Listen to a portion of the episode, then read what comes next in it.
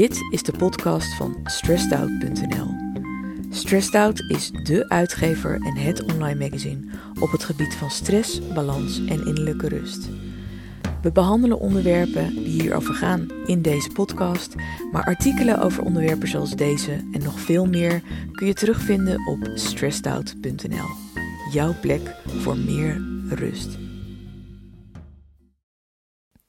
Welkom bij de podcast van StressedOut.nl.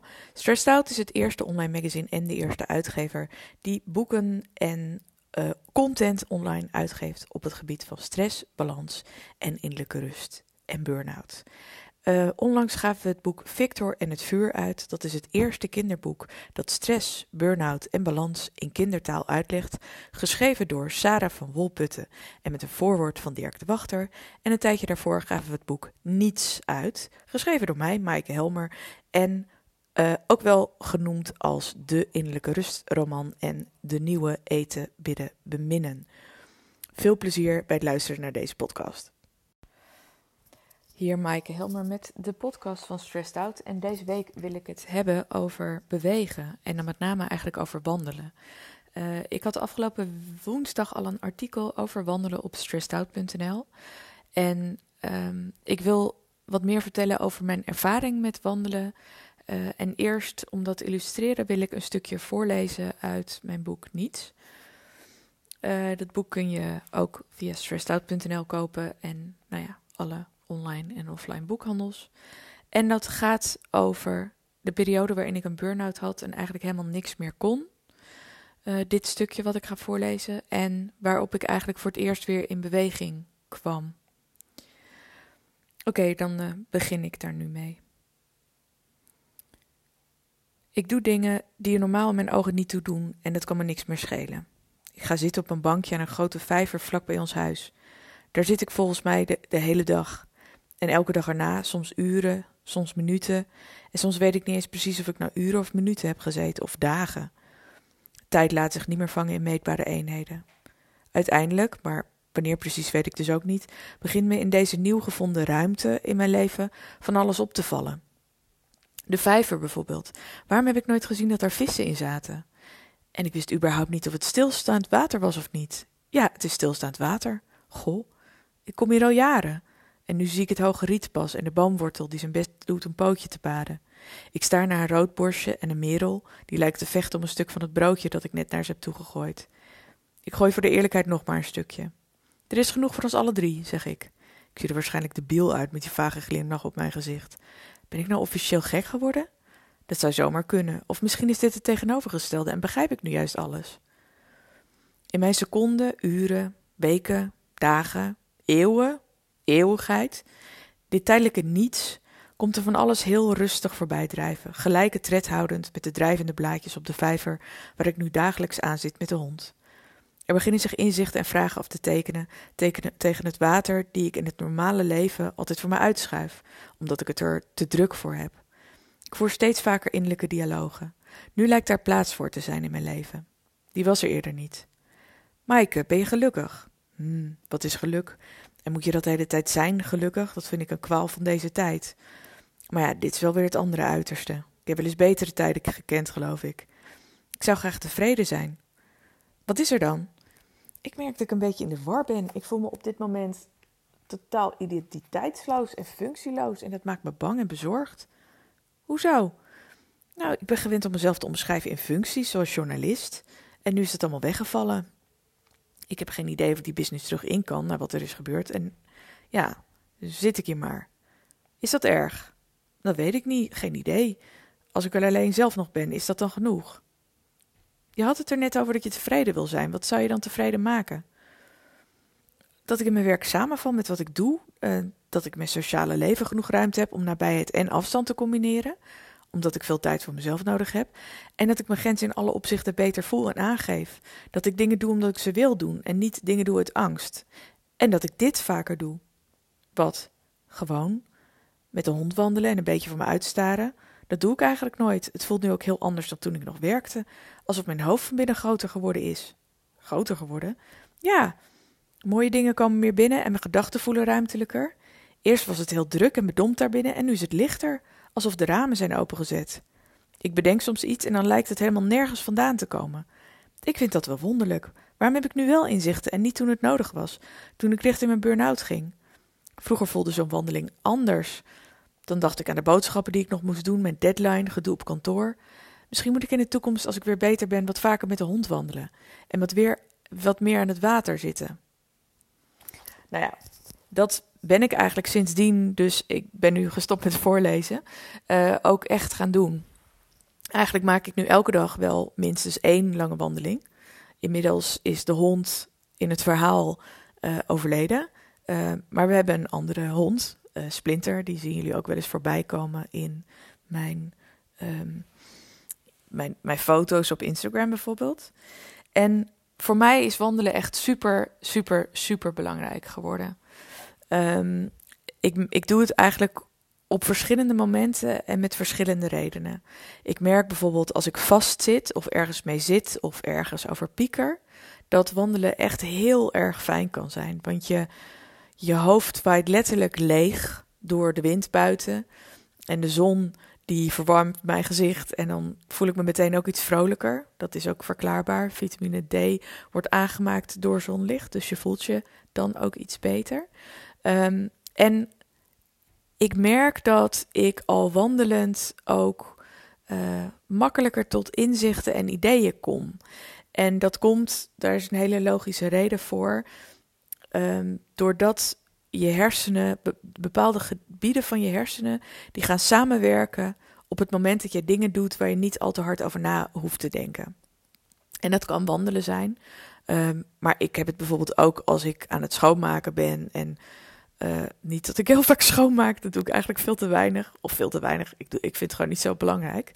Um, maar een van de dingen die ik ook ontzettend bevredigend vind om mijn hoofd leeg te maken, is uh, dan weer wel de was opvouwen. Uh, dat kan ik namelijk echt zonder nadenken doen. En tegelijkertijd, je bent toch, ja, ook al is het maar heel minimaal, een beetje in beweging. Um, en fietsen. Ik fiets ook echt heel veel. En uh, nou ja, op dat soort momenten werken dus bepaalde hersendelen samen die verantwoordelijk zijn voor reflectie en voor het bedenken van oplossingen. En ook voor creatief denken. Dus op het moment dat je bijvoorbeeld vastzit in je werk of je zit vast in een, in een, uh, ja, in een, in een negatief denkpatroon of je hebt geen energie, dan is het heel handig om iets te gaan doen waarbij je niet hoeft na te denken en wat je toch enige energie Ik nam heel even een slokje koffie. Ik hoop dat je dat niet uh, te hard hoorde. Um, dus ik wandel uh, eigenlijk standaard op een vast moment. Zo rond lunchtijd. Want ik merk altijd dat ik rond een uur of tien, elf, ja, elf of twaalf een beetje begin in te kakken. En dat ik dan een beetje vastroest in mijn hoofd. Um, nou ja, en dan ga ik er even tussenuit. En ik gebruik het ook om bijvoorbeeld dingen te verwerken. Um, als ik, uh, ik zeg maar wat, uh, uh, iets een plek moet geven, dan wandel ik ook heel erg graag. En zelf loop ik niet hard, dat heb ik wel gedaan. Maar dat geeft dan meer een soort um, endorfine rush. en ik zelf kan het ook niet lang volhouden. En het voordeel van wandelen en fietsen trouwens ook, is dat je het heel erg lang kan doen en ook kunt volhouden. En het is ook tijdens het herstel van een burn-out heel erg belangrijk om te wandelen. Sterker nog, ik zou het aanraden als eerste activiteit zodra je weer letterlijk en figuurlijk een beetje op de been bent. Um, je moet niet meteen gaan wandelen, want als je een burn-out hebt, dan moet je eerst fysiek tot rust komen. Maar ik weet nog dat bij mij mijn eerste wandelingen, ja, dat was eigenlijk na, na ja, de hond moest toch uit. Uh, en, en die eerste rondjes waren letterlijk gewoon een paar rondjes om het huis. Uh, ik woonde in een soort appartementencomplex, omdat ik gewoon niet harder kon nadenken dan dit weggetje om het huis ken ik nog wel. Alles wat daar buiten was, vond ik al heel bedreigend en heel groot en heel heftig. Maar telkens die rondjes langs het huis lopen, dat zorgde er in elk geval voor dat ik uit die impasse kwam. En het gevoel kreeg dat ik niet alleen Uh, hoewel ik dus, ja, ik moest de wereld weer ontdekken eigenlijk. Ik moest de wereld weer als veilig durven ervaren. En daarvoor maakte ik eerst hele kleine rondjes die ik kende en die veilig waren. En langzaam werden die rondjes steeds groter. En groter en groter, totdat ik eigenlijk weer, ehm, ja, gewoon weer normaal me kon begeven uh, in het leven, zoals het voor iedereen vanzelfsprekend was. En ik ben ervan overtuigd dat wij te weinig bewegen. En ik denk dat het heel goed is om een wandeling een vast onderdeel van je dag te maken. En nu hoor ik mensen alweer denken: ja, maar ik zit op kantoor, dat kan niet. Juist als je een kantoorbaan hebt, is het heel erg belangrijk dat je tussen de middag gewoon even uh, naar buiten gaat. Het kan best wel zijn dat je bijvoorbeeld een, uh, een werkplek hebt waar je een supermarkt dichtbij hebt. Nou, zeg dat je even wat te drinken gaat halen. Ik, um, ik heb een tijd bij het Aidsfonds gewerkt. En uh, daar gingen we altijd een wandelingetje maken tussen de bedrijven door in de lunchpauze. Gewoon om uh, eten te halen. uh, want iedereen haalde inderdaad zijn, uh, zijn, zijn eten bij de supermarkt. Um, maar, maar los daarvan was het ook gewoon heel fijn om even je, je, je je hoofd uit je werkomgeving en uit de dingen waar je in je werk mee bezig was te halen. En je blikken even te verruimen en om je heen te kijken op straat, mensen te zien, te weten dat er een wereld buiten het kantoor was. En ik kwam ook heel vaak op nieuwe ideeën terwijl ik uh, iemand op straat zag lopen of in de supermarkt stond. Um, het, ja, dat was gewoon echt heel erg goed. Een hele goede en fijne gewoonte. Um, Wandelen kan trouwens ook heel erg fijn zijn om, zoals je ook in het stukje wat ik net voorlas hoorde, om innerlijke dialogen te voeren. Um, een tijdje geleden las ik ergens dat niet iedereen dat heeft, maar heel veel mensen hebben in hun hoofd een soort van voice-over die commentaar heeft op alles wat ze doen. En andere mensen hebben dan weer dat ze uh, juist beeldend denken en beeldend dingen voor zich zien. En dat soort mechanismen kun je, um, mits je natuurlijk niet uh, door een hele drukke buurt uh, met veel verkeer loopt, fantastisch aanzetten als je aan het wandelen bent. Want je gaat vanzelf nadenken over dingen en contempleren over, uh, over onderwerpen waar je niet aan toe komt als je achter je computer zit of als je um, druk bezig bent met werkdingen of huisdingen. Um, het, het is een hele fijne manier om je hoofd leeg te maken en ruimte te maken voor de dingen waar je normaal niet naartoe komt. En aanvullend is, was het bij mij dus zo, en ik denk dat als je regelmatig wandelt, dat dat bij jou ook gaat gebeuren. Dat je oog krijgt voor de kleine dingen waar je normaal overheen kijkt. Dat begon bij mij, dat hele maakconcept waar het boek over gaat uiteindelijk begon bij mij tijdens het wandelen. Dus opeens zag ik dat er telkens een reiger aan het water zat bij ons om de hoek. Of ik zag de dauwdruppels. Um, ik zag dat de wolken de ene dag sneller voorbij waaiden dan de ander. Um, en ik kreeg meer respect voor dat soort natuurlijke verschijnselen. Die eigenlijk ja, ontzettend vanzelfsprekend zijn en tegelijkertijd ontzettend wonderlijk. En juist dat wonderlijke, dat heeft bij mij, is bij mij heel erg aankomen te staan door het wandelen. En ik heb dat ook weten te koesteren. In de zin van op het moment dat het drukker in mijn hoofd wordt, um, uh, merk ik dat ik daar minder ontvankelijk voor ben. En dat geldt trouwens niet alleen voor mij, dat is gewoon zo. Op het moment dat je druk bent in je hoofd, ben je minder ontvankelijk voor ja, eigenlijk de kleine wonderen van het leven. En juist dan ga ik meer wandelen om die verwondering te stimuleren. En soms duurt dat even. Soms duurt het bijvoorbeeld een half uur. En dan zit ik de eerste half uur nog heel erg in mijn hoofd met alle dingen die spelen. Um, maar er komt een moment waarop ik daarvan loskom.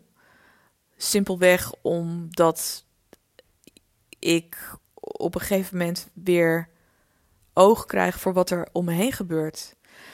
En je dan laten overspoelen door de bijzonderheid van het gewone, dat is eigenlijk, ja, vind ik een van de mooiste dingen van het leven. Um, nou ja, het, het, het ging een beetje meerdere kanten op dit verhaal. Uh, maar essentieel is dat je wandelen, vind ik, eigenlijk een basisonderdeel moet maken van je leven. Um, ik haal in het artikel wat ik woensdag plaatste op stressedout.nl uh, een uitspraak van Hippocrates aan. Hij is de grondlegger van de huidige medische wetenschap. Um, en dat is, uh, wandelen is het beste medicijn. En dat geldt zowel voor je lichaam als voor je geest. Het is niet alleen goed om op die manier je hart, je vaten, je spieren uh, gezond te houden, maar ook om, um, om je hersenen gezond te houden. Om tot nieuwe inzichten te komen, om tot rust te komen, om uit te waaien, om je te verwonderen. Uh, je verwonderen doe je veelal niet achter je beeldscherm, achter je computer. Je verwonderen zit hem in die mooie kleine normale dingen. En die leer je weer zien door de natuur. Die leer je weer te zien door de wonderlijke uh, kleine dingen daarin. Um, nou ja, dus ik zou zeggen, ga wandelen vandaag. Ik uh, sta op het punt om te gaan wandelen, letterlijk en figuurlijk. Ik heb mijn jas nog niet aan, maar mijn schoenen al wel.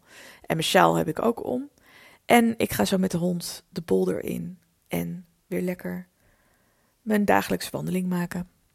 Ik wens je een heel fijn uh, weekend. En um, als het geen weekend is, dan wens ik je een hele fijne dag of een hele fijne week. Wanneer je dit ook luistert. En ik zou zeggen, wandel ze en verwonder je. Dag. Voor artikelen met onderwerpen zoals deze ga je naar stressedout.nl en daar vind je ook meer informatie over Victor en het vuur, het eerste kinderboek dat stress, burn-out en balans uitlegt in kindertaal.